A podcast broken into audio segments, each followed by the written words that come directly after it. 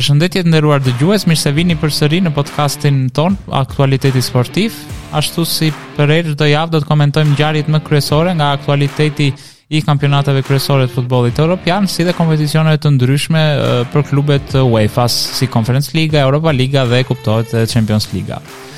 Kjo ka qenë javë e mbushur me ngjarje ku fillimisht do të fokusohemi tek finalja e parë e këtyre kompeticioneve europiane që u luajt në Sevilla të Spanjës, finalja e Europa Ligës midis Eintracht Frankfurtit dhe Rangers të Skocisë. Për të komentuar të gjitha këto, së bashku me mua në studio do të jetë i ftuari i përhershëm Petrika Vangjeli. Mirë se erdhe Petrika. Mirë se ju gjej Brendon, përshëndetje.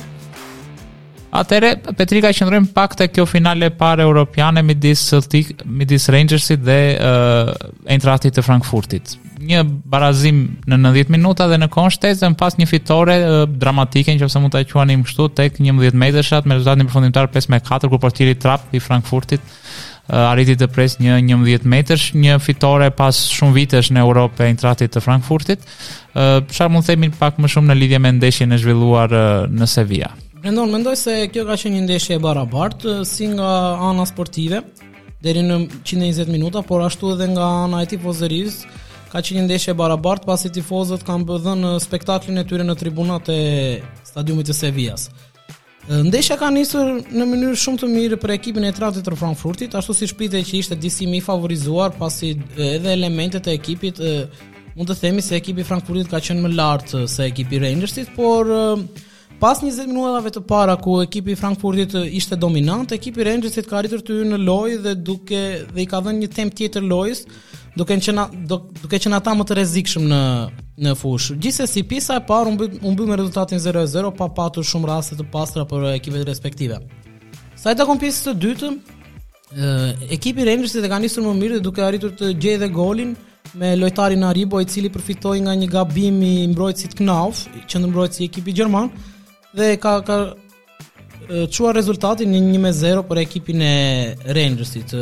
Brendon mendoj se pas golit të parë nuk mendoja se ekipi gjerman do të arrinte të shënonte gol duke parë atë mbrojtje të disiplinuar të ekipit të Glasgow Rangers. Por ka qenë një gabim i qendërmbrojtësave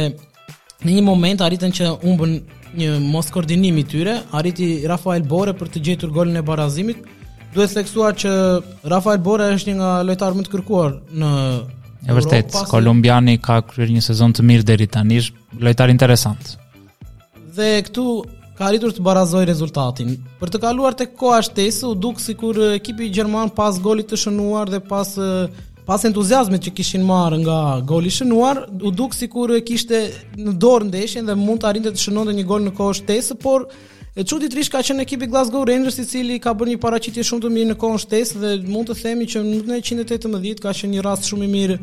për të kaluar ekipin në avantazh, por ka qenë portieri Kevin Trapp i cili me një ndërhyrje ka arritur të shmangë golin dhe duke e çuar krejt takimin në penalltitë. Sa i takon penalltive,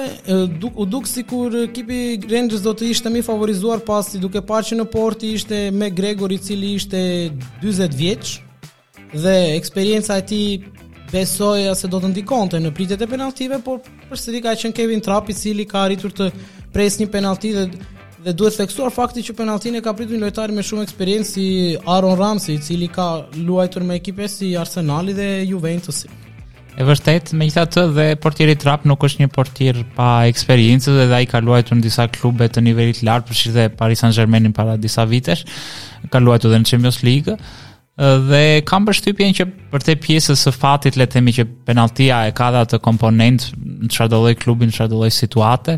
Ë Frankfurti kam përshtypjen edhe teknikisht ishte pak skuadër e gjatë gjithë kompeticionit, duke parë dhe rivalët që eliminoi përfshirë Betisin dhe Barcelonën, dy ekipe të nivelit teknik, përveçse me emër apo dhe buxhete ndoshta më të larta. dhe sesa Frankfurti dhe kam përshtypjen ishte një ekip edhe pak më i këndshëm për t'u parë, kurse Rangersi është një ekip më fizik, pra tradicional britanik skocez që bazohet kryesisht tek loja e fortë, tek mbrojtja e disiplinuar, tek presingu, te imponimi i ritmit atletik, patjetër loja në ajër pikë e fortë e ekipeve përgjithësisht britanike dhe skoceze pak më shumë sepse Premier Liga kuptohet është europianizuar pak më shumë le të themi ose ka ka marrë pak më shumë dhe me prurjet e lojtarëve nga Europa me trajnerët nga Europa në 25 vitet e fundit ka ndryshuar kurse Skocia ka mbetur akoma pak më tradicionale në këtë aspektin e stilit të lojës dhe mënyrës së lojës. Brendon, duhet theksuar fakti që Lojtari më i mirë i ekipit të Frankfurtit, i cili është Filip Kostiç, i është bërë një mbulim një për një me mbrojtësin e krahut, me Tavernier, i ekipit të Glasgow Rangers, i cili në asnjë moment nuk ka lënë që Kostiç të të bëjë krosimet, atë që bën më mirë te ekipi i Frankfurtit. Vetëm një moment ka qenë që Kostiç ka arritur të çojë një top në zonë dhe ai top ka shkuar në rrjetë. Domethënë, ishte menduar shumë mirë nga ana e trajnerit Van Bronckhorst, i cili është trajneri i ekipit të Rangers, Shumë mirë mbulimi i Kostic, një lojtar i cili besoj se do të ketë shumë produktivitet dhe do të jetë shumë produktivitet për ekipin e Serbisë në në botëror. E vërtetë, mbetet për t'u parë, është një lojtar interesant, ndërkohë që Frankfurti duhet ritheksuar që me këtë fitore në Europa League, pavarësisht se në kampionatin gjerman u rendit në mesin e tabelës dhe nuk kapi as uh, Conference League-n, pra as Kupat e Europës, Falë fitores së këtij kompeticioni do të luajë tashmë në Champions League sezonin e ardhshëm. Pra do të kemi Eintrachtin Frankfurt madje në vazon e parë pasi është fitues i Europa Ligës. Kështu që do të jetë në Europa në Champions League sezonin e ardhshëm, flitet madje që do të ketë disa rikthime si Rebic ndoshta nga Milani apo edhe ndonjë lojtar tjetër siç ishte Frankfurti para disa sezoneve pasi tashmë edhe mundësitë financiare do jenë pak më të shumta për të mbajtur si yjet ose lojtarët më të mirë si puna e Kostic apo edhe disa lojtarë të tjerë, qoftë e Santos Borre, sulmuesi kolumbian, gjithashtu dhe për të përforcuar pak në lidhje me konkurrencën që do të ketë në Champions League apo dhe në kampionatin gjerman sezonin e ardhshëm, kështu që do të shohim çfarë do ndodhë me Frankfurtin edhe gjatë merkatos së verës. Do të kërkojnë sërish edhe Luka Jovic. Do të jetë e mundur për ta plotësuar atë rebus se jo, para tre sezonit. Se jo, si tifoz i Realit do të isha më se i lumtur nëse do të gjendej një sistemim që do të ishte i përshtatshëm edhe për lojtarin, që të mos mbeteshe më edhe pengesë edhe për klubin, por kjo është temë tjetër. Shumë mirë atëherë, pasi ezauruam finalen e Europa Ligës, kalojmë paksa të komentojmë finalen e javës së ardhshme të Conference Ligës, turneu i tretë, turneu më i ri i krijuar nga UEFA, për ata që janë më të rinj e dinë që dikur ka ekzistuar dhe kompeticione të treta përveç kupës së kampionëve dhe kupës UEFA kanë ekzistuar kupa Intertoto apo kupa e kupave që quhej ku ndesheshin vetëm fituesit e kupave në secilin shtet në të ekipeve në ekipet që fitonin kupat kombëtare, pra siç është Kupa e Mbretit në Spanjë, Kupa e Italisë, Kupa e Francës e tjera e Gjermanisë e me radhë. Pra kanë ekzistuar turne të tilla në Europë deri në vitet 90, më pas kuptohet u eliminuan me me kalimin e kohës nga fillimi i viteve 2000 dhe UEFA u fokusua vetëm tek Champions League dhe Kupa UEFA që më pas i ndryshoi emrin ia bëri UEFA Europa League. Dhe tashmë me sa duket për t'i dhënë një farë mundësie më shumë edhe shteteve më të vogla europiane, federatave më të vogla, përfshirë kryesisht këto të Ballkanit apo të Europës Lindore që të kenë mundësi të marrin pjesë në një kompeticion europian në historinë e tyre u krijua përsëri ky kompeticion i tretë që në fillim u nënvlerësua, u mendua që do të ishte një kompeticion pa shumë rëndësi, pa shumë reklamim le të themi. Faktikisht ky kompeticion është nënvlerësuar, duke parë që Tottenham, mënyra se si Tottenham u largua nga ky kompeticion ka bërë që një ekip i madh të largohet në një farë forme të tillë, besoj se është vërtet nënvlerësim, por si çdo kupë tjetër arriti që të marrë atë shijen europiane që japin këto kompeticione. Një trofe në fund e duan të gjithë. Po, edhe shkoi deri këtu ku shkoi ku Roma arriti ta vlerësojë siç duhet, gjithashtu dhe Feyenoordi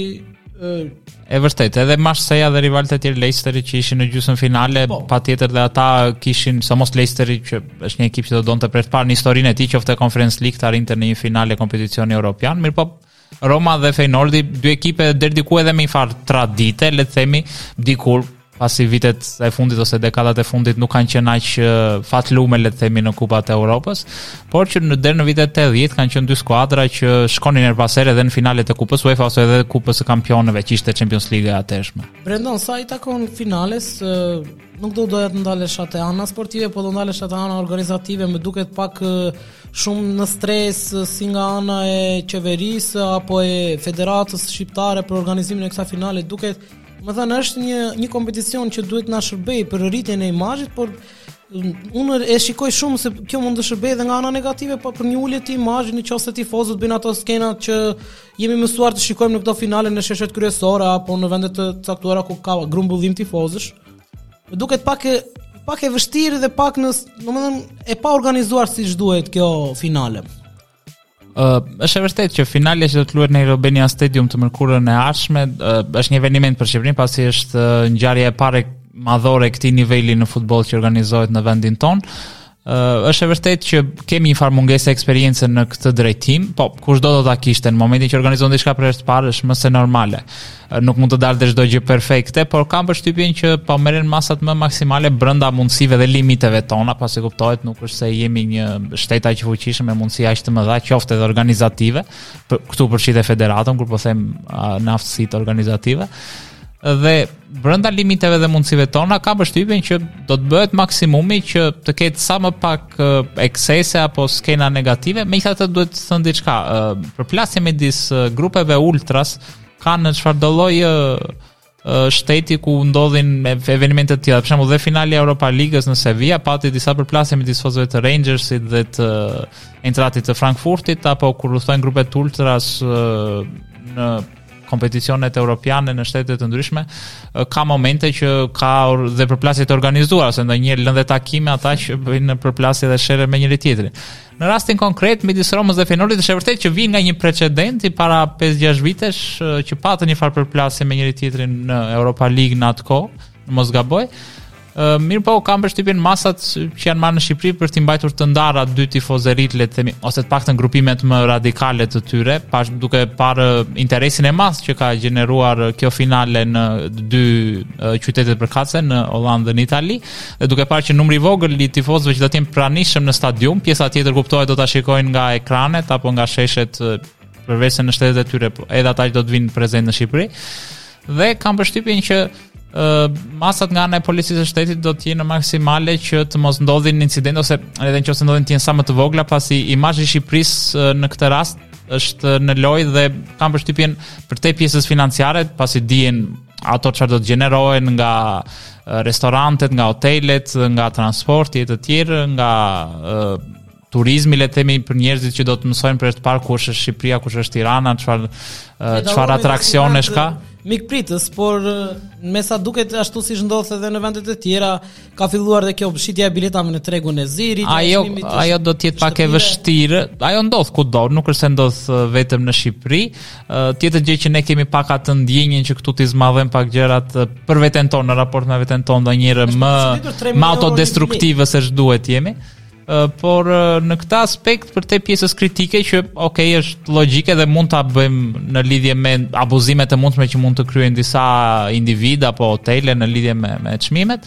Uh, kam përshtypjen për pjesën e biletave është gjithmonë e më vështirë tashmë të shiten në treg të zi duke parë dhe metodën që UEFA ka implementuar për këtë finale uh, që ka të bëjë me biletat që nuk do të jenë më as me screenshot të tipit për shembull që të vjen në email ose kena po do të jetë në nuk do ketë bileta fizike nuk do ketë bileta të printuara do të jenë bileta uh, direkt në aplikacion dhe vetëm nga aplikacioni mund të aktivizohen direkt dhe për më tepër që do të jenë bileta nominale, pra me emër mbiemër të identifikuara, pra do jetë shumë e vështirë që të rishiten biletat në treg të zi këtë radhë dhe do të bllokohen. Në qoftë se le të themi do ketë tentativa të tilla, do të jenë të pakta mundësitë që të kenë sukses. Dyshoj shumë për këtë, pasi në momentin që ti shkon aty paraqit telefonin, domethënë një kaos derisa hyjnë të gjithë njerëzit do jetë diçka që ai që do jetë aty tek dera do thotë siç ndodh gjithmonë në Shqipëri, hajde kalo do i thotë sepse Është e vërtetë që rrethi i parë midis policisë dhe stewardit ndoshta mund të kalojë ashtu, por në momentin e hyrjes në stadium në dyer automatike nuk aktivizohet pa pa qenë vetë prezent? E, jo vetëm pa qenë vetë prezent, po e, në kodin le të themi ose ka një barkod ose ka një chip le të themi ka diçka në biletën që të shitet që aktivizon automatikisht portën e, në momentin kur ti e ke pra në iPhone-in tënd ose në telefonin tënd biletën direkte online.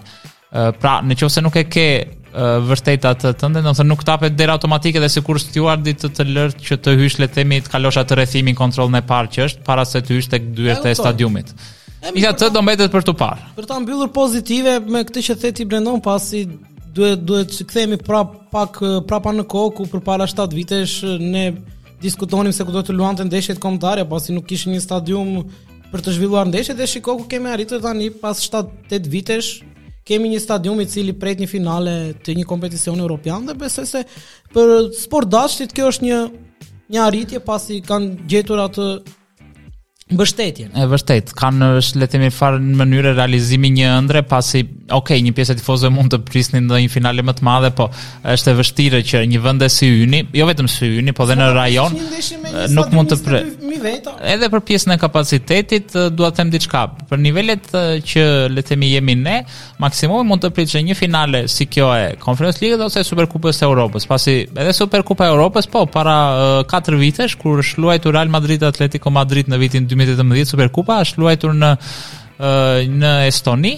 apo dhe Real Madrid Sevilla në vitin 2017 ose, ose 16 2016 mos gaboj është luajt në Trondheim në Norvegji, pra kanë qenë stadiume me 15000 ose 18000 tifozë, pra edhe më të vegjël se Air Albania. Edhe Stade Louis, Monaco uh, ka pritur Superkupa finale. E vërtet, ka pritur deri në vitin 2014 luheshin gjithmonë aty qe selia konstante. Po pastaj nga ai vit e në vazhdim, pastaj filluan uh, ndryshonin vit pas viti. Pra, është e vështirë të bësh një stadium sepse do thonë njerëzit pse nuk bëhet një stadium me 50000 vende, për shembull, siç është rasti i Shkupit. Në Hungari, edhe në Hungari. E vërtet, por ideja është që një stadium 50000 vendesh ja do mbushet një herë kur bëhet një finale e këtyre përmasave, po nuk mund të justifikojë kostot vetëm me një finale të këtyre përmasave, pasi javë pas jave duhet luajnë klubet aty, duhet luajnë ekipet kombëtare aty. Dhe në ekipet kombëtare do të mbushet kur janë ndeshje të mëdha, siç e po. dimë këto, kur janë ndeshje decisive, por nuk do të mbushet kur janë ndeshjet për shembull me Andorrën, me Gjorgjin ose me skuadra të këtij niveli. Kështu që nga ana ekonomike, pasi sot duhet të them që dhe futbolli është biznes, nuk është rentabël ekonomikisht mirëmbajtja e një stadiumi me kapacitet të tillë, nëse qoftë nga ana e biletave, pra e zhvillimit të eventeve, qoftë koncerteve apo ngjarjeve të ndryshme që mund të zhvillohen pasi sot gjithmonë më shumë stadiumet po rikonceptohen jo thjesht si stadiume futbolli, po si qendra biznesi, si ku futet edhe pjesa e hotelerisë ndonjëherë, futen organizimi i eventeve, konferencave, koncerteve apo do no, ideja është që duhet të jenë aktive 365 ditë të vitit, ose sa më shumë të jetë e mundur dhe në këtë aspekt Air Albania e plotëson këtë kriter pavarësisht kapacitetit të vogël që ka për nivelet e një finale të tillë, siç kemi parë që ka pasur ankesa dhe nga tifozeria holandeze apo nga tifozeria e Romës deri diku, por është ideja që në fillim kur filloi kompeticioni, jam i bindur që s'kishin kaq shumë ankesa se mbase s'mendonin jo thjesht që do arrinin finale, po s'mendonin se do ishte kaq i rëndësishëm. Tani që Erdhën në finale dhe iu zgjua ai interesi i madh, kuptohet, tashi ka dhe nga këto pakënaqësi, po siç thashë janë normale dhe janë luajtur finale, imagjino, ë ka luajtur në, siç thashë, dy raste ka luajtur Reali i Madridit, klubi më i madh dhe me nga tifozeritë më të mëdha në botë, ka luajtur në stadium edhe më të vogla se Air Albania, kështu që nuk besoj se ka vend për këto ankesa. Gjithsesi Brandon unë i përkas grupit të tifozëve ku Do duhej një stadium që me një kapacitet më të madh, pasi si çdo shtet në në Ballkan ose në Europë e ka një stadium i cili është mbi me një kapacitet mbi 40-45 mijë vendesh, pret çdo lloj gjëje. Gjithsesi unë të thashë i përkas këtij grupi tifozësh, pavarësisht këtyre që përmende ti Dhe arsyet pse nuk mund të jetë. E vërtetë, atëherë, kalojmë pasi uh, folëm pak edhe për finalen do të zhvillohet në vendin tonë në uh, mesjavën e ardhshme, kalojmë tek fundjava e kampionateve evropiane, çfarë ndodhi uh, me kampionatet javën që shkoi dhe uh, parashikimet për javën e ardhshme ose më saktë për këtë fundjavë që do të mbyllen dhe uh, kampionatet e fundit, pasi siç e thamë Bundesliga u mbyll javën e kaluar. Dhe këtë javë mbeten për t'u mbyllur kampionati italian, zyrtarisht tashmë anglez, francez dhe ai spanjoll. Pavarësisht se në pjesën më të madhe të tyre objektivat pak a shumë janë arritur dhe mbeten shumë pak dilema për t'u zbuluar në javën e fundit. Fillojmë atëherë si zakonisht me uh, kampionatin më të rëndësishëm siç kemi bërë dhe në javët e kaluara me Premier Ligën. Kemi parë javën e kaluar uh, një uh, le të themi hap fals të Manchester City-t në barazimin 2-2 me West Hamin. Uh, kemi parë gjithashtu fitoren e Liverpoolit me penalti përsëri uh, me Chelsean finalja e dytë që fiton me 11 metërsha në FA Cup uh, dhe gjithashtu një fitore në uh, mesjavë të Liverpoolit në ndeshjen e prapambetur për shkak të finales me Southampton. Uh, një kalim në avantazh i Southamptonit i hershëm që u mendua se ndoshta Liverpooli aty dhe për shkak të rotacionit që kishte përdorur Klopp mbase do e mbyllte historinë e kampionatit, megjithatë Përmbysja e Liverpoolit bëri që çdo gjë tashmë të vendoset në javën e fundit. Brendon, sa i takon ndeshjes së javës së kaluar ku Manchester City bëri atë hapin fals, unë do thoja që ishte dhe pak fat pasi ë duke qenë se pas 2-0 që kishte kaluar në avantazh ekipi i West Hamit, ekipi i Manchester Cityt arriti të gjente forcat për ta barazuar këtë ndeshje Dhe fitoi dhe një penallti me Riyad Mahrez dhe penalltia është humbur. Domethënë Riyad Mahrez në qoftë se bëjmë një përmbledhje, Riyad Mahrez ka falur rastin vetë për vetë në ndeshjen kundër ekipit të Liverpoolit ku në qoftë se do të arrinte të shënonte atë gol në minutën e 90, do të mbyllesh historia e kampionatit që në atë ndeshje dhe përsëri është Riyad Mahrez i cili mban llogaritë të hapura për ndeshjen e fundit ku humbet penalltin dhe ka qenë një reagim epik i Pep Guardiolës pasi pash kamerat e fokusuan momentin e penalltis dhe thjesht ka mbyllur syt, i ka hapur syt dhe ka parë që e ka humbur dhe pastaj i ka mbyllur përsëri syt dhe ka qenë një reagim epik fare pasi e sikur e ndjente që do ta humbte penalltin decisive. Ekipi Manchesteri ka vuajtur shumë nga penalltit. Mbaj mend pak kohë përpara ndroheshin shpesh herë, gjuante De Bruyne, humbiste, gjuante Mahrez, humbiste. Gjuante Gabriel Jesus, humbiste, nuk ka gjetur një lojtar statik për gjuajtjet e penaltive. Dhe shumë tifoz mund të thonë pse nuk e gjuajti De Bruyne penalltin pasi ka qenë ka ardhur nga ndeshje shumë të mira dhe kishte atë motivim. Dhe kapiteni është dhe lideri i skuadrës patjetër. Po nuk e di, ka ndoshta ishte një vendim i ekipit, ndoshta ishte një vendim i Guardiolës për gjuajtjen e Mahrez, por fakti është që ai ajo penallti u humb dhe tani llogarit ngelen të hapura, pavarësisht se City zhvilloi një 90 minutësh Në total shumë të mirë përballë ekipit të West Hamit. E thatë gjithsesi duhet të përmendur fakti që pavarësisht se distanca është një pikë përsëri City e ka në këmbët e tij, pra nuk është po. se do të varet nga Liverpooli, është Liverpooli që varet nga gabimi i Cityt. Kështu që City e ka në dorën e tij dhe uh, titullin kampion Anglie. Sa i takon ndeshjes është ndeshja përballë me Aston Villën dhe është një ndeshje e cila e pret në stadiumin e vet, uh, Madje edhe në media është bërë thirrje për gjithë tifozët të jenë të pranishëm si brenda në stadium ashtu dhe jashtë, pasi të bëhemi gati për të festuar. Kanë qenë këto deklarata të Guardiolës dhe drejtuesve të klubit. Ë, është një ndeshje e cila besoj se do të fitohet nga ekipi i Manchesterit pa probleme. Ë, është edhe diçka brenda, është edhe diçka që tek klauzola e Jack Grealish, një nga lojtarët që është shitur me një shifër të mjaft të madhe, diku në 100 milionë euro, ose pound mund të vej 115 milionë. Po, është një shifër goxha e shtrenjtë po. Ka një moment në klauzol ku thuhet që në qoftë se ekipi i Manchester City shpallet kampion që me vitin e parë me Grealish në në skuadër. Në skuadër. Uh, ekipi Manchester City i paguan Aston Villës 15 milionë euro dhe duke qenë se Ndeshja e fundit luhet përballë. Për koincidencë. Për koincidencë, askujt nuk ia priste mendja se do të shkonte kështu, por këtu kalon në fazë biznes. Bie faza e futbollit, pasi Aston Villa është një ekip që s'ka asnjë lloj pretendimi në ndeshjen e fundit dhe po e njësoj si Wolverhampton me Liverpoolin nuk ka dhe ai asnjë pretendim. Po Kjo është pak më decisive pasi thon 15 milionë euro dhe për një klub si Aston Villa nuk janë pak, pak 15 milionë euro dhe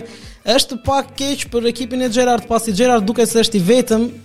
pasi që do t'i bëjnë nderin ish klubit të tij, ish kapiteni i famshëm që për fatin e tij të keq në 2014-ën. Po. Jo se ia humbi vetëm ai, por le të themi u personifikua në në ajo rëshkitja e tij, në ajo ndeshja e famshme me Chelsea në humbja e titullit në atë vit. Kështu që kam përshtypjen dëshira e tij do ishte e pamatë që t'ia rikthente le të themi atë dëmin nëse mund të quhet kështu uh, Liverpoolit, por që unë them përtej faktit të kësaj klauzolës dhe që pasaj siç themi në Shqipëri gojët e liga pasaj do flasin që shiko Aston Villa nuk u impenjua për shkak se do fitonte paratë këtej nga ana tjetër me Cityn po kam përshtypjen sado që të impenjohet Aston Villa dhe dëshira e madhe e Gerardit dhe sikur mos ekzistonte kjo klauzola e Grealish City përsëri do të ishte favorit, është një ekip më i mirë, luan për më tepër në stadiumin në fushën e saj, nuk ka asnjë mungesë të rëndësishme, asnjë dëmtim apo pezullim me kartonë, kështu që ok, është e vërtetë që futbolli ka parë surpriza dhe çudira nga nga më të mëdhat, por që kjo thjesht mbase mund të hedhë pak më shumë hije dyshimi në këto pjesët pasaj të teorive le të themi s'po them konspirative po këto teorive të dyshimit që shoqërojnë gjithmonë pak a shumë botën e futbollit. Nuk është hera e parë që ndodhin gjëra të tilla. Shiko, më është më tepër se dyshim unë un e shikoj një fakt këtë Brendon, se i thon Jo, e vërtet që është fakt, po pastaj se provon dot nuk mund ta akuzosh Aston Villën që jo, jo, jo, uh, hapi portën dhe u fitua. Absolutisht jo, thjesht uh, drejtuesit e klubit nuk kanë kërkuar impenjim të lartë për lojtarët dhe për trajnerin në këtë ndeshje. Kjo është uh, më se normale ku drejtuesit mund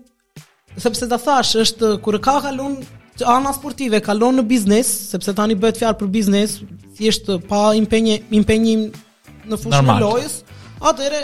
biznesi triumfon në këtë rast. Një element interesant për të përmendur në këtë aspekt që nuk e di nëse e ka Premier Liga, me sa kam unë informacion që është jo, po mund të jem dhe i gabuar, për shembull në Spanjë për të minimizuar këtë aspektin që ekipet që janë në le të themi në një zonë të qetë të renditjes që nuk kanë më objektiv për të luajtur, Për shembull, në Spanjë La Liga, të paktën prej disa vitesh, kam përshtypjen prej 4-5 viteve të fundit, pra se nuk ka ekzistuar më përpara, vendosi që kur shpërndajnë të drejtat televizive sezonin pasardhës, do të varet nga renditja që ke pasur sezonin e kaluar që është mbyllur. Pra, edhe ai ekipi që është në vendin e 11 ta zëmë, dhe ai ekipi që është në vendin e 10 që e kanë zgjidhur objektivin, javën e fundit, për shembull, mund të luajnë që të rrinë një vend më sipër në renditje pikërisht sepse sezonin e ardhshëm mund të marrin disa milionë euro më shumë Nga e drejtë, nga shpërndarja e të drejtës televizive, vetëm nga ky fakt dhe këtë incentiv La Liga e mori pikërisht për këtë aspekt, që këto ekipe të kenë një farë motivi, jo vetëm le të themi financiar, po deri diku edhe klubet që të mos bëjnë lëshime, le të themi apo tolerime, se s'po themi trukime, se është fjalë më e rëndë dhe pasaj në aspekte të tjera. Po këtë që thua ti Brendon është përveç të drejtave televizive, një vend më shumë do të thotë edhe më shumë para nga nga federata. Kështu që gjithmonë vlen gjithmonë një vend më poshtë, një vend më poshtë, një vend më lart, vlen gjithmonë më shumë. Por këtë është vetëm në Spanjë, në kampionate të tjera pra në Itali e di që nuk ekziston kjo apo dhe në jo, vende të tjera duhet të parë dhe në Premier League, po për shembull, kjo ishte një metodë që në Spanjë kjo ndikoi deri diku në minimizimin e këtyre rezultateve le të themi të paktuara ose të rëna dakord midis dy klubeve që s'kanë le të themi ose njëri klub ka objektiv tjetri s'ka objektiv dhe kjo ishte mënyra që gjeti La Liga. Nuk është se kjo e zhduku le të themi 100% fenomenin e rënies dakord pasi për shembull nëse po dy klube ju duhet vetëm një pikë ato klube barazim do të dalë ajo ndeshje s'ka nevojë domethënë të themi që është trukim apo s'është trukim thjesht instinktivisht ato klube atë rezultat do do nxjerrin edhe sepse s'kan arsye të sforcohen më tepër sa aq megjithatë mua si masë më është dukur interesante që të paktën ky fenomen, s'po themi i paligjshëm, po ky fenomen që deri diku le të themi shkon kundër asaj fair play apo lojës së ndershme apo impenjimit maksimal që duhet të ketë gjithmonë çdo lojtar, çdo skuadër kundër çdo kundërshtari në çdo moment gjatë gjithë sezonit, çfarëdo lloj pozicioni qoftë, qoftë në fund të renditjes, qoftë në krye. Uh, për mendimin tim është një ide interesante, pasaj sa efektive është, mbetet për t'u parë pasaj në Nuk e di sa është kjo në Angli, por duke parë shifrat e larta që në Angli paguhen duke parë që E vërtetë që gjenerohen shumë. Gjenerohen shifra të çmendura, një ekip që ngjitet në kategorinë Premier, fiton gati 200 milionë euro vetëm nga e drejta televizive. Po, edhe Mendoj se është shumë e strukturuar dhe kjo puna e vendeve, vendi 7, 8, 9, 10, pagesa do të jetë e madhe për klubet. Prandaj e thash këtë aspekt sepse nëse për shembull Aston Villa do të fitonte po them kot 30 milion euro për shembull, më shumë nëse do renditeshe një vend më lart, nëse do e kishte mundësinë, mund t'i leverdiste më mirë të merrte ta zëmë pikë ose të tentonte brenda mundësive të saj, se e tham, nuk është se nuk është uh, ekip më i mirë se Manchester City apo më i fortë se Manchester City, pra nëse fitimi do ishte më i lartë nga ana tjetër, mund të mos i interesonte ai 15 milionë, që pastaj nga të dy anët i binte të dilte i fituar, po, po që mbetet për t'u parë kjo se si do ndodhë uh, fundjavën e ardhshme, por që besoj me 90% ose mbi 90% City është kampioni i ardhshëm i Anglisë. Edhe unë kështu mendoj Brandon, do të jetë një ndeshje e cila uh, besoj se do të zgjidhet në momentet e para të ndeshjes, sepse është shumë decizive që nëse zgjidhet shpejt, mbaron shpejt, kështu që Dhe ekipi Manchester City është nga ato ekipe që nuk të le për 90 minuta të mban në presion dhe po u zgjidh shpejt, atëherë do të jetë pa problem çështja e titullit në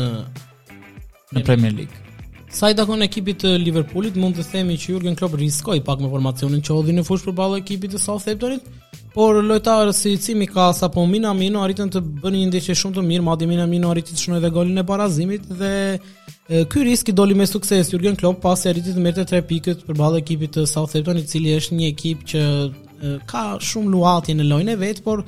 është një ekip që ka probleme për ekipet e mëdha. Gjithsesi mund të themi se tani përballë ekipit të Wolvesit, Liverpooli do të ketë pothuajse të njëjtën mënyrë loje ose përsëri mund të ketë një rotacion duke duke qenë se bë, po bëhet gati për finalen dhe nuk do dojë që të i lodh më shumë lojtarët kryesorë dhe dhe mendoj se përsëri me një formacion jo titullarët e zakonshëm do të arrijë të marrë 3 pikë dhe gjithë mendja do të jetë tek ndeshja me Manchester City dhe Aston Villa ku do të kthehen ato skenat e viteve më përpara ku kujtoj vitin 2011 ku Manchesteri e kishte mendjen tek ekipi City dhe u mendua se ekipi do të merrte kampionatin, por ajo përmbysje që ka bërë City me Sergio Aguero me Queen's Park Rangers në po, po ndeshja e famshme. Kjo kjo përmbysje bëri që City të bëhej kampion dhe për të cilën Wayne Rooney duhet thënë që javët e fundit përsëri ka mbetur peng nga ajo humbja, se hodhi dhe paksa hije dyshimi kur tha që ndoshta duhet hetuar Queen's Park Rangers në mënyrë se si luajti minutat e fundit. Gjithsesi bëhet një finale, këto dy ndeshje do të jenë finale dramatike për gjithë Premier Ligën. Ndërkohë që sa i takon vendit të katërt, Arsenali arriti të gabojë përballë ekipit të Newcastle-it, duke qenë se ishte ndeshje decisive për ta dhe duhej patjetër fitore, Arsenali në asnjë moment nuk tregoi se ishte një ekip që meritonte UEFA Champions League. Newcastle ka bërë një ndeshje perfekte, thuajse për Newcastle ka qenë një finale e madhe ajo ndeshje pasi ka qenë një impenjim mjaft i lartë. dhe tregoi që Arsenali nuk ka forcën e duhur për të shkuar në UEFA Champions League për këtë vit që vjen. Arsenali le të themi për Arsenalin e viteve të fundit që lojtarët nuk kanë mjaftueshëm ego, nuk kanë po përtej cilësisë, se cilësi dhe mund të mos kesh një ekip me pak cilësi, po ama ke grintën, ke egon, ke dëshirën, ke guximin, ke krenarinë që ke dhe për fanellën, për klubin dhe e kompenson atë mungesën e cilësisë kur e ke. Po kur ke këtë mungesën e dëshirës dhe këtë naivitetin ose këtë neglizhencën e pastër siç e kanë lojtarët e Arsenalit, kuptohet që sado në avantazh ta kesh si situatën nga ana matematikore dhe me ndeshjet mangut që kishte Arsenali në raport me rivalet e saj, qoftë me uh, qoftë me Tottenhamin, po qoftë edhe me Chelsea në një momenti, po. pasi kishte një moment që nëse Arsenali do të kishte fituar edhe këto ndeshjet e prapambetura mund të kishte kapur dhe vendin e tretë në një momenti, kështu që Ky dështim i momenteve të fundit besoj është më shumë i lojtarëve të Arsenalit dhe për më tepër dhe Martin Odegaard, talenti i famshëm që Reali e shiti sepse është një lojtar teknik, po është një lojtar që duket që është me momente të caktuar dhe pastaj ka momente që shkëlqen ose mund të bëjë ndeshje të mirë, të jap një asis ose të shënojë një gol dhe më pas fiket, dhe më pas fiket. është i dobët në dyluftime fizike, për mendimin tim problemi i atij lojtari është kryesisht ana mentale. Nuk ka mentalitet për ekipe të mëdha. Dhe në Arsenali që u duk që kuptohet, me gjithë respektin e Arsenalit nuk është Reali i Madridit në aspektin e presionit, historisë edhe rrethanave të tjera, ku mendoj që në Arsenali do kishte pra më pak presion, do ishte një ambient ku kishte luajtur e njihte, do integrohej pak më shpejt, do kishte mundësi le themi të shprehej më mirë në fushë si nga ana futbollistike, ashtu dhe nga ana le themi deri diku e leadershipit, po duket që nuk është lojtar që merr përsipër ose është shumë i ri, ose u fry më shumë se ç'duhet ndoshta nga media dhe aq janë mundësitë e tij. Po jo vetëm Odegaard, ka qenë dhe Saka, po Lacazette, Granit Xhaka nuk kanë qenë në nivelin e duhur për të mbajtur atë vend, presionin e vendit të katërt në situatën e Arsenalit kam përshtypjen e përmbledh shumë mirë meqenëse ishim te Granit Xhaka ajo fjalia e famshme që tha Granit Xhaka pas ndeshjes që për të fituar ndeshje të këtij ose për të vajtur në Champions League duhen lojtarë me pika pika e dini vetë të gjithë çfarë duhen me kualitete shumë të larta për të qëndruar korrekt ndaj dëgjuesve por me sa duket po për po merr udha ai Parashikimi im që kam bërë që në momentin që Antonio Conte ka marrë ekipin e Tottenhamit, kisha qenë i bindur dhe kisha patur një bindje mjaft të madhe që Tottenhami do të arrinte të pozicionohej në vendin e katërt ose në vendin e tretë. Dhe me sa duket ajo që i solli Conte ekipit ka bërë që të pozicionohet në vendin e katërt dhe një fitore në ndeshjen e fundit përballë ekipit të Norwichit do t'i siguronte vendin e katërt, i cili është një arritje për mënyrën se si shkoi ky sezon për ekipin e Tottenhamit. Është për të theksuar fakti që lojtarë si Harry Kane apo Son do të ngelen në ekip dhe besoj se edhe Conte në qoftë se do t'i plotësojnë ato dy dëshira, tre dëshira që ka sa i takon merkatos, do të qëndrojë dhe do të kemi një një ekip stabil në vitin e ardhshëm dhe pse jo një ekip që mund të luftojë edhe për titullin kampion. Patjetër, kjo mbetet për t'u parë, pra, siç e thamë, Tottenhami ka ndeshje me Norwich, një ekip i rënë nga kategoria pa objektiv, dhe kam përshtypjen diferencën me Arsenalin, për tej kësaj analize, le themi që thamë pak a shumë, cilët ishin elementët që e penalizuan Arsenalin në këtë garë për Champions, ishte edhe ndeshja e drejtpërdrejtë, pra, ajo fitore para dy javësh në po. derbi e Tottenhamit, kuptohet, i dha shtysën kryesore në këto momentet e fundit, që të siguronte vendin e katërt. Një fitore 3-0 që tregoi një karakter mjaft të madh të ekipit të Conte. Pavarësisht se Arteta pas ndeshjes pati pak disa pakënaqësi në lidhje me arbitrimin, po. por që uh, kam përshtypjen ndeshje e dominuar nga ana e Tottenhamit. Ka qenë 10 minuta në kuadrin e 10 minutave uh, Son i ka marrë dy kartona të verdhë lojtarit të uh, Arsenalit Holding dhe aty që aty ka marrë ndeshja një rrjedhë tjetër, patjetër. Shumë mirë atëhere, pasi mbyllëm uh, komentet në lidhje me Premier Ligën, në lidhje me këtë javë të fundit që presim dhe që do të komentojmë më pas zyrtarisht uh, javën e ardhshme se cili do të jetë kampioni i Anglisë dhe cili do të jetë ekipi pavarësisht se Tottenham dhe City duket se do të jenë ekipi i vendit 4 dhe ekipi kampion. Zyrtarisht do t'i shohim javës tjetër se cilat do të jenë shpallur. Kalojmë atëherë te kampionati i radhës tek uh, Serie A, ku kemi luftën për titull të hapur deri në minutën e fundit tashmë. Të dyja ekipet nuk gabuan, si Milani ashtu dhe Interi. Milani me një fitore të pastër 2-0 me Atalantën në shtëpi, që luajti duhet thënë përpara Interit, i cili luajti në mbrëmje dhe e dinte rezultatin e kundërshtarit dhe kishte njëfarë presioni më tepër ndaj Cagliarit që ishte i etur për pikë për të siguruar mbijetesën në Serie A. gjë që me sa duket do ta ketë shumë të vështirë pas rezultatit që mori me Interin, ku Interi arriti të imponohet në lojë dhe të fitojë me rezultatin bindës 1-3. Uh, atëhere, Petrika, ça mund të themi në lidhje me këto dy ndeshje në Itali? Ka, ka qenë një ndeshje perfekte e Milanit përballë ekipit të Atalantës dhe ku unë përsëri shikoj një Një Rafael Leao dhe një Teo Hernandez të cilët e kanë çuar Milanin deri në këtë pikë dhe janë dy lojtarët kryesorë që në qoftë se do të shpalleshin kampion pavart do të ishin ata lojtarët të cilët do të merrin atë medaljen si ata që kishin meritën kryesore për fitimin e Milanit. Ndeshja është shumë e vështirë përballë ekipit të Sassuolos, ndeshja e ardhshme, pasi lojtarët e Sassuolos, gjithashtu dhe trajneri, ka bërë disa deklarata që ne nuk jemi, nuk do të biem pre as, as një presioni, ne nuk jemi të shpartalluar, ne do të luajmë deri në fund, do të thotë që impenjimi i Sassuolos do të jetë i madh, dhe Sassuolo është një ekip shumë i bezdisshëm për ekipet e mëdhaja,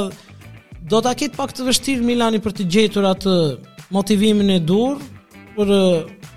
unë mendoj që Milani do e ketë le të themi luan për dy rezultate, pra po. i mjafton dhe barazimi duhet rikujtuar, megjithatë ndonjëherë është më e rrezikshme kur luan për dy rezultate sepse sesa kur luan për një dhe po e shpjegojmë. Është ideja që kur një skuadër hyn në fushë dhe ka vetëm një rezultat të mundshëm, Hyn më e motivuar sepse do të luajë paksa me atë për jetë a vdekje në thonjëza, le të themi atë motivin që o duhet të fitoj ose s'ka asnjë rezultat tjetër, sepse ndonjëherë kur hyn për të spekuluar që thua më mjafton barazimi, ndonjëherë rrezikon më shumë, hyn më i qetë se ç'duhet dhe ndonjëherë aty mund ta pësosh, mund ta rrezikosh dhe rreziku i vetëm që mendojmë që ka Milani është kjo, që e rikujtuam dhe në javët e kaluara se lojtarët e Milanit siç duket dëshira etja uria e madhe për trofe po dominon mbi atë mungesën e eksperiencës që thamë pra të lojtarëve të Milanit në kushte të tilla për të fituar një trofe dhe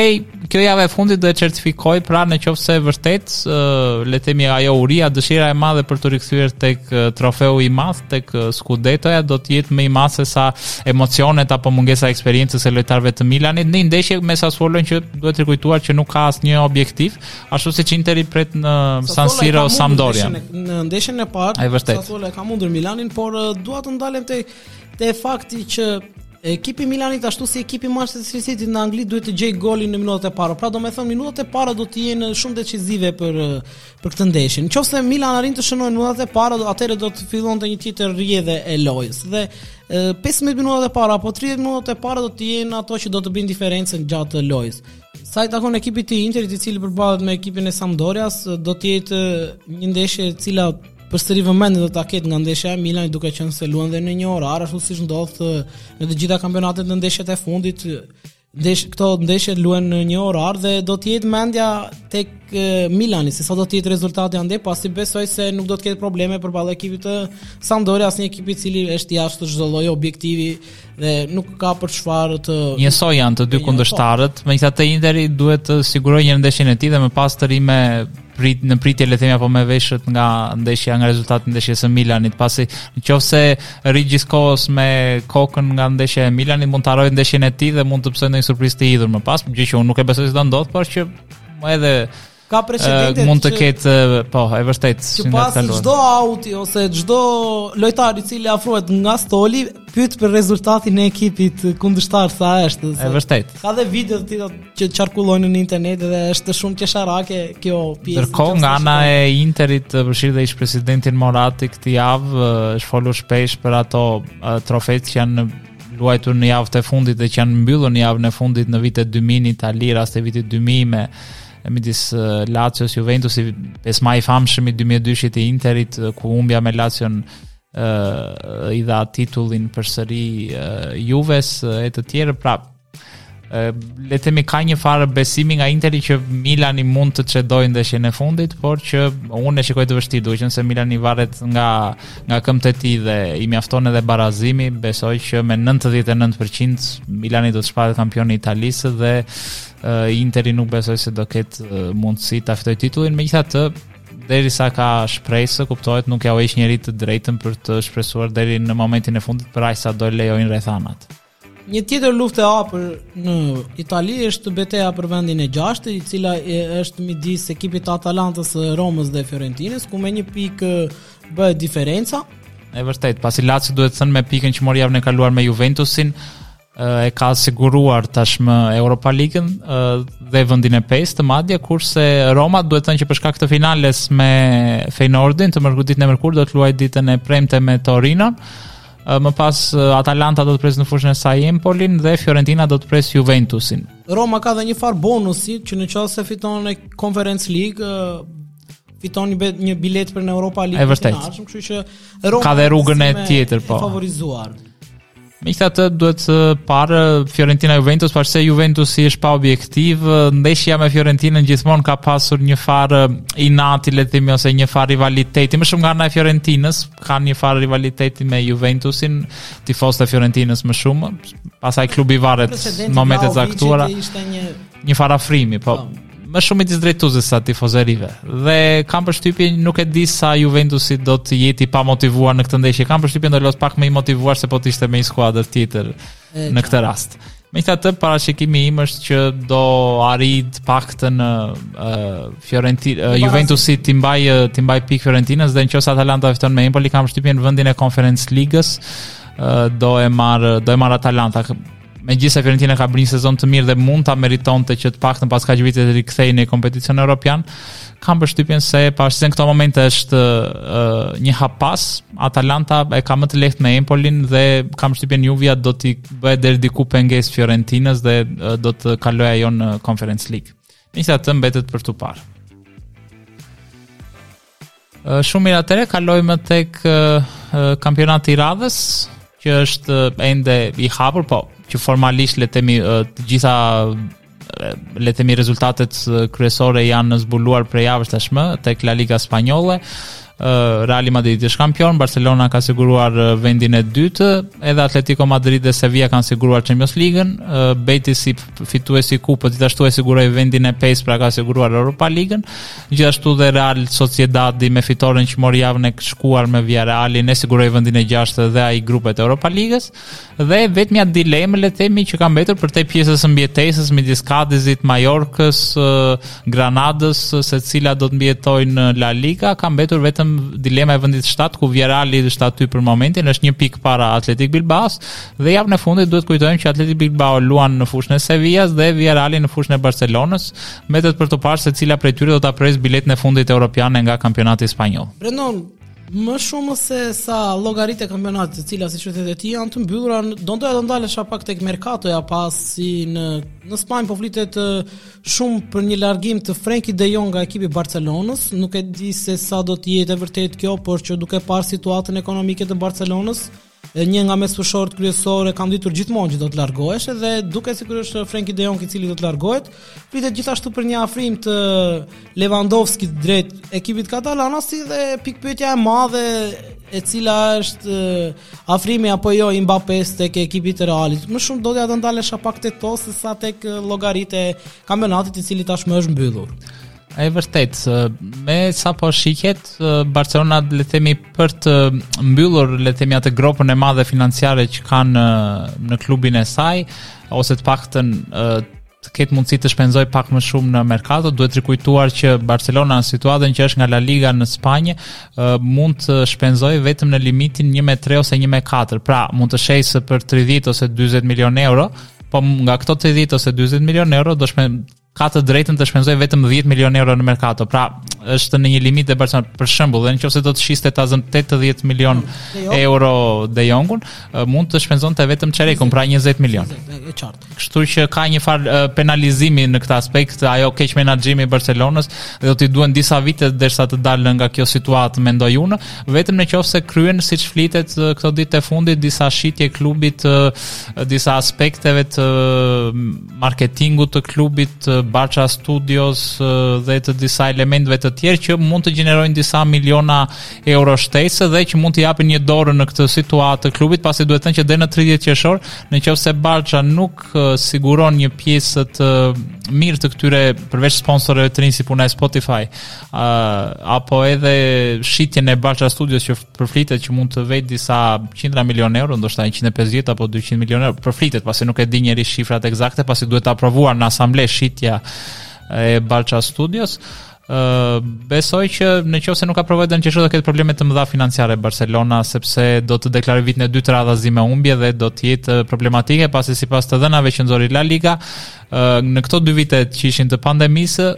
vetëm Barcelona nga 42 ekipet, pra të dy kategorive profesioniste të futbollit në Spanjë, Primera Divizionit dhe Segunda mm. Divizionit, Barcelona përbënte gati 60% të humbjeve. Në Barcelona e vetme përbënte 60% të humbjeve të futbollit spanjoll, që ishte një shifër shumë e madhe dhe shumë e rëndë edhe për një klub që mund të gjenerojë shumë para siç është Barcelona. Me këto që po thua Brendon nuk e di se sa do të realizohet dhe afrimi i Lewandowskit, pavarësisht se vjen me parametra zero. parametra zero jo s'mund të thuhet pasi ka dhe një vit ende kontratë me Bayernin Bayerni po insiston që ta mbajë pavarësisht polemikave që ka pasur midis Lewandowski dhe drejtuesve sportivë si Salihamidzic apo ndoshta edhe Kahn por drejtues të lartë të Bayernit përfshi presidentin Hainer po insistojnë që nuk i gjejnë dot kollaj një zëvendësues Lewandowski dhe do preferojnë më mirë ta mbajnë këtë vit edhe kundër dëshirës së tij ndoshta për t'u larguar për të provuar një eksperiencë të re dhe ta humbin me 0 vitin tjetër se sa ta lëshojnë në këtë vit. Përflitet që dhe Bayern nëse lëshon këtë vit Barça apo kushdo tjetër që do dojë ta marrë, por në këtë rast konkret Barcelona pasi flitet që le të themi ka një farë paramarrëveshje, le themi midis uh, uh, lojtarit, menaxherit të tij dhe klubit të Barcelonës me një rrogë të reduktuar, duhet thënë, pasi uh, Barça nga sezoni i ardhshëm sipas vendimit të drejtuesve të klubit hiq ndonjë përjashtim të caktuar të ristrukturimit të kontratave të lojtarëve me eksperiencë që kanë qenë dhe që kanë pasur le të themi shifra që fitonin në sezon mbi 10 milionë euro, tërë kontratat e reja nuk do të tejkalojnë 8 milionë euro. Pra një lojtar në Barcelona nuk do të fitojë më shumë se 8 milionë euro. Tash duke parë Lewandowski që është një lojtar me emër, vetëm në qoftë se bën një sakrificë financiare dhe por me sakrificë financiare duke larguar gjithmonë lojtarë. Pra Barça para se të marrë Lewandowski do të duhet që të bëjë një spastrim shumë të madh në skuadër. Qoftë me shitje, qoftë me largime, qoftë edhe për të hequr qafe rrogat. Janë disa lojtarë të cilët janë shitja e Coutinhos 20 milionë euro, ndihmoi deri diku besoj në këtë aspekt, por do të duhen edhe disa shitje të tjera që Barcelona të jetë në situatën që të fusë lojtarë qoftë edhe Kesin, qoftë edhe Christensen që janë me parametra zero. Nuk ti janë disa lojtarë të cilët madje edhe Memphis Depay që pritet flitet mund të largohen. Megjithatë duhet thënë një gjë se sa herë që vjen merkato e verës as kur flitet për revolucione në klube të mëdha dhe këtë e them edhe për Realin e Madridit që flitet mund të largohen Mariano Jovic etj etj ka dy vite që fliten këto histori. Tjetër gjë çfarë mund të flitet në media apo dëshirat e tifozëve të tjerë dhe tjetër gjë çfarë mund ndodhë në realitet, pasi siç e kemi parë flitet shpesh në klubet e mëdha që mund të larë revolucione që të largojnë 7, 8 apo 10 lojtarë, e më pas kur e shohim në realitet o s'largohet asnjëri ose maksimumi 1 ose 2. Pra shumë e vështirë të lëvizin, pasi lojtarët kanë gjithë atë komoditetin e tyre aty dhe nuk lëvizin. Po sa i takon Mbappe, Brendon çfarë informata ka të fundit në Spanjë? situata e Mbappes besoj që me mbi 90% siç çon edhe logjika duke parë dhe dëshirën e futbollistit në gjithë këto vite ëndrrën që ka pasur për të luajtur tek Reali dhe duke parë momentin sportiv që po kalon Reali më pas inaugurimi i stadiumit që do të jetë në dhjetor të këtij viti shpresojmë me rastin e 75 vjetorit të inaugurimit të Santiago Bernabeut të stadiumit Bernabeu po që nga viti 1947 uh, ideja është që do të jetë lideri i këtij projekti. Pra do jetë Galaktiku, domethënë ai do të jetë ylli i skuadrës, nuk do të ketë një Haaland apo dikë tjetër, le të themi që mund të mendohej që do të kishin rivalitet apo do të kishin do t'i bënte hije njëri tjetrit dhe mund të ndinte një farë xhelozie le të themi. Pra, nga ky aspekt besoj që Mbappé do të jetë i kënaqur me projektin që i ofron Reali, Edhe nga aspekti financiar, pasi se Reali nuk mund të krahasohet me PSG-në, pasi jo vetëm Reali, por çdo klub tjetër, pasi kuptohet, ata e kanë çekun e bardhë, mund ta harxojnë pa pa limit dhe mund t'i ofrojnë atij dhe familjes së tij përfshirë dhe avokates dhe menaxheres shuma të pafundme. Po, po patjetër, presioni presioni më i madh ndonjëherë s'bëhet më shumë tek lojtari vet, po tek familja, pasi dihet që ndonjëherë ka fuqi më të madhe bindëse familja sesa tek vetë individi apo tek vetë lojtari. Dhe këtë gjë po bën PSG-ja, flitet që përveç ofertave shumë milionshe me rroga mbi 50 milion euro me premio mbi 100 milion euro etj, presion që të tipit duke parë marrëdhëniet që Al Khelaifi tashmë është kryetari i Shoqatës Europiane të Klubeve, pra i ECA-s, dhe marrëdhëniet që ka me UEFA duke parë këtë historinë e Superligës ku Ceferini, presidenti i UEFA-s herë pas here kërcënon Realin e Madridit kryesisht pavarësisht se është dhe Barcelona dhe Juventusi në akoma në atë historinë e Superligës, i kërcënon me një sanksion me përjashtim nga nga Champions Liga sezonin e ardhshëm apo pas uh, dy vitesh. E po përdorin duke i thënë që shiko edhe në Spanjë mund të mbetesh pa luajtur Champions Ligën, megjithëse duhet shumë guxim besoj unë edhe nga ana e UEFA-s të përjashtosh Realin e Madridit pasi mund të humbasë vërtet mund të duket UEFA që unë e kërcënoj shiko sa i fort jam mund që arrij të kërcënoj apo të përjashtoj dhe Realin e Madridit po Jam e bindur që të nesërmen që përjashton Realin përveç reagimit që do ngjallë në të gjithë botën, pasi Reali është një klub planetar dhe mbështetjen që gëzon ai dhe për më tepër televizionet apo sponsorët e UEFA-s që ditën e nesërme do i thonë shiko, paguajmë një shifër, këtë shifër do ta pjesëtojmë për dy, po, sepse s'do të paguajmë njëlloj po, po. sikur është Reali, sikur nuk është Reali. Kështu që nuk kam përshtypjen se do ndodh një përjashtim i tillë dhe Mbappéja do të vijë tek Reali. Do ndodh edhe për Barcelonën apo dhe Juventusin dhe bëhen tre klube që nëse janë të tre aq më keq sepse është, do të ulen të ardhurat në minimum pasi janë tre nga klubet më të rëndësishme. Realin përderisa vazhdojnë të qëndrojnë në valle Barcelona dhe Juventus. Eh, po Barcelona kam përshtypjen që edhe negocion Barcelona është nga ato që mund të të lërë në baltë sepse nga një anë Barcelona luan me dy porta, nga një anë po negocion edhe me me UEFA në pritje të atij vendimit të gjykatës europiane, eh, pra gjykatës së Bashkimit Europian që pritet nga fundi i këtij viti, mesa kam lexuar për të parë nëse do ketë të drejtë Superliga apo UEFA, pra a gëzon UEFA ose a ushtron UEFA një monopol në futbollin europian, pasi kjo është çështja kryesore që do zgjidhet nga gjykata. Dhe pjesa tjetër, Mbappe me sa di un nga ana financiare në Real flitet për shifra për një kontratë që fillimisht do të jetë 5 ose 6 vjeçare, 30 milion euro neto në sezon në rrogë, duhet thënë që Reali dhe me largimet që do ketë këtë sezon, po dhe me hapësirën që kishte në këtë sezon me të ardhurat që gjeneroi kishte një hapësirë mjaft të madhe për rroga, pra për rroga nuk ishte problemi. Jo vetëm për Mbappe, po sigurisht kishte marrë dhe Haalandin bashkë edhe me lojtarë të tjerë, kështu që në aspektin e rrogave Reali është okay dhe përflitet një bonus, pra pavarësisht se Mbappé do vi me 0, se përflitet shpesh kjo historia me 0 me 0. 0 do i paguaj Reali PSG-s, po Mbappé-s vetë do i jap diçka dhe përflitet që do të jetë një shifër diku 100-120 milion euro bonus. dhe pjesa e të drejtave të marketingut apo drejtave të imazhit. Reali është një klub që tradicionalisht të paktën në udhëheqjen e Florentino Perezit i ndan të drejtat e imazhit të marketingut 50 me 50 me lojtarët e saj, përfshirë dhe yjet si Cristiano Ronaldo që kanë qenë më parë. Pasi Reali mendon që ti mund të jesh një lojtar shumë i mirë, po marka e klubit të potencion akoma dhe më shumë dhe kuptohet edhe klubi do të marrë pjesën e tij. Dhe në rastin e Mbappé-së, duke qenë se vetë ai si në Francë përpiqet të jetë pak më selektiv, më selektiv, pra i përzgjedh vetë sponsorat, nuk do që të bëj reklama me çfarëdo lloj sponsori apo që mund të sjell federata apo klubi i PSG-s, donte këtë privilegj edhe te Reali dhe kërkonin avokatët e tij le të themi gati 100% të të drejtave të menaxhimit gjë që ishte e pamundur për Realin pasi kuptohet klubi do që të kthej diçka mbrapsht që të shlyej më pas investimin që do bëj për marrjen e e Mbappé-së dhe flitet që është arritur një akord aty tek shifra 75% të të drejtave të imazhit do t'i mbeten lojtarit dhe 25% do t'i mbeten klubit. Dhe sipas përllogaritjeve thuhet që brenda një 3 vjeçari pra mund të nxjerrë Reali koston me këtë përqindje që i mbetet koston e blerjes së lojtarit. Pra domethënë do ngelet në javën në vazhdim për të parë edhe këtë vendim të Mbappé-së do të jetë apo jo pjesë e ekipit të Realit të Madridit. E vërtetë, Reali donte që të ishte pas ndeshjes së Champions League, pasi nuk do që ekipi apo tifozeria të shpërqendrohet, pasi objektivi kryesor do të jetë finalja e Parisit, mirëpo mesa duket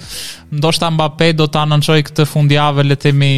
largimin e tij nëse nuk do rinovojë me PSG-n, pastaj e vetmja pikëpyetje që mbetet është nëse do të lajmërojë që këtë javë që do të shkojë në Real apo do e lër për pas finales së Champions League-ës, megjithatë mbetet për të parë. E vetmja që le të themi rrethanë që për tifozët e Realit do të jetë e pakëndshme natyrisht dhe që nuk parashikohet, por që është e mundur të ndodhë në këtë botë që jetojmë, është rinovimi me PSG-n, pra qëndrimi në PSG.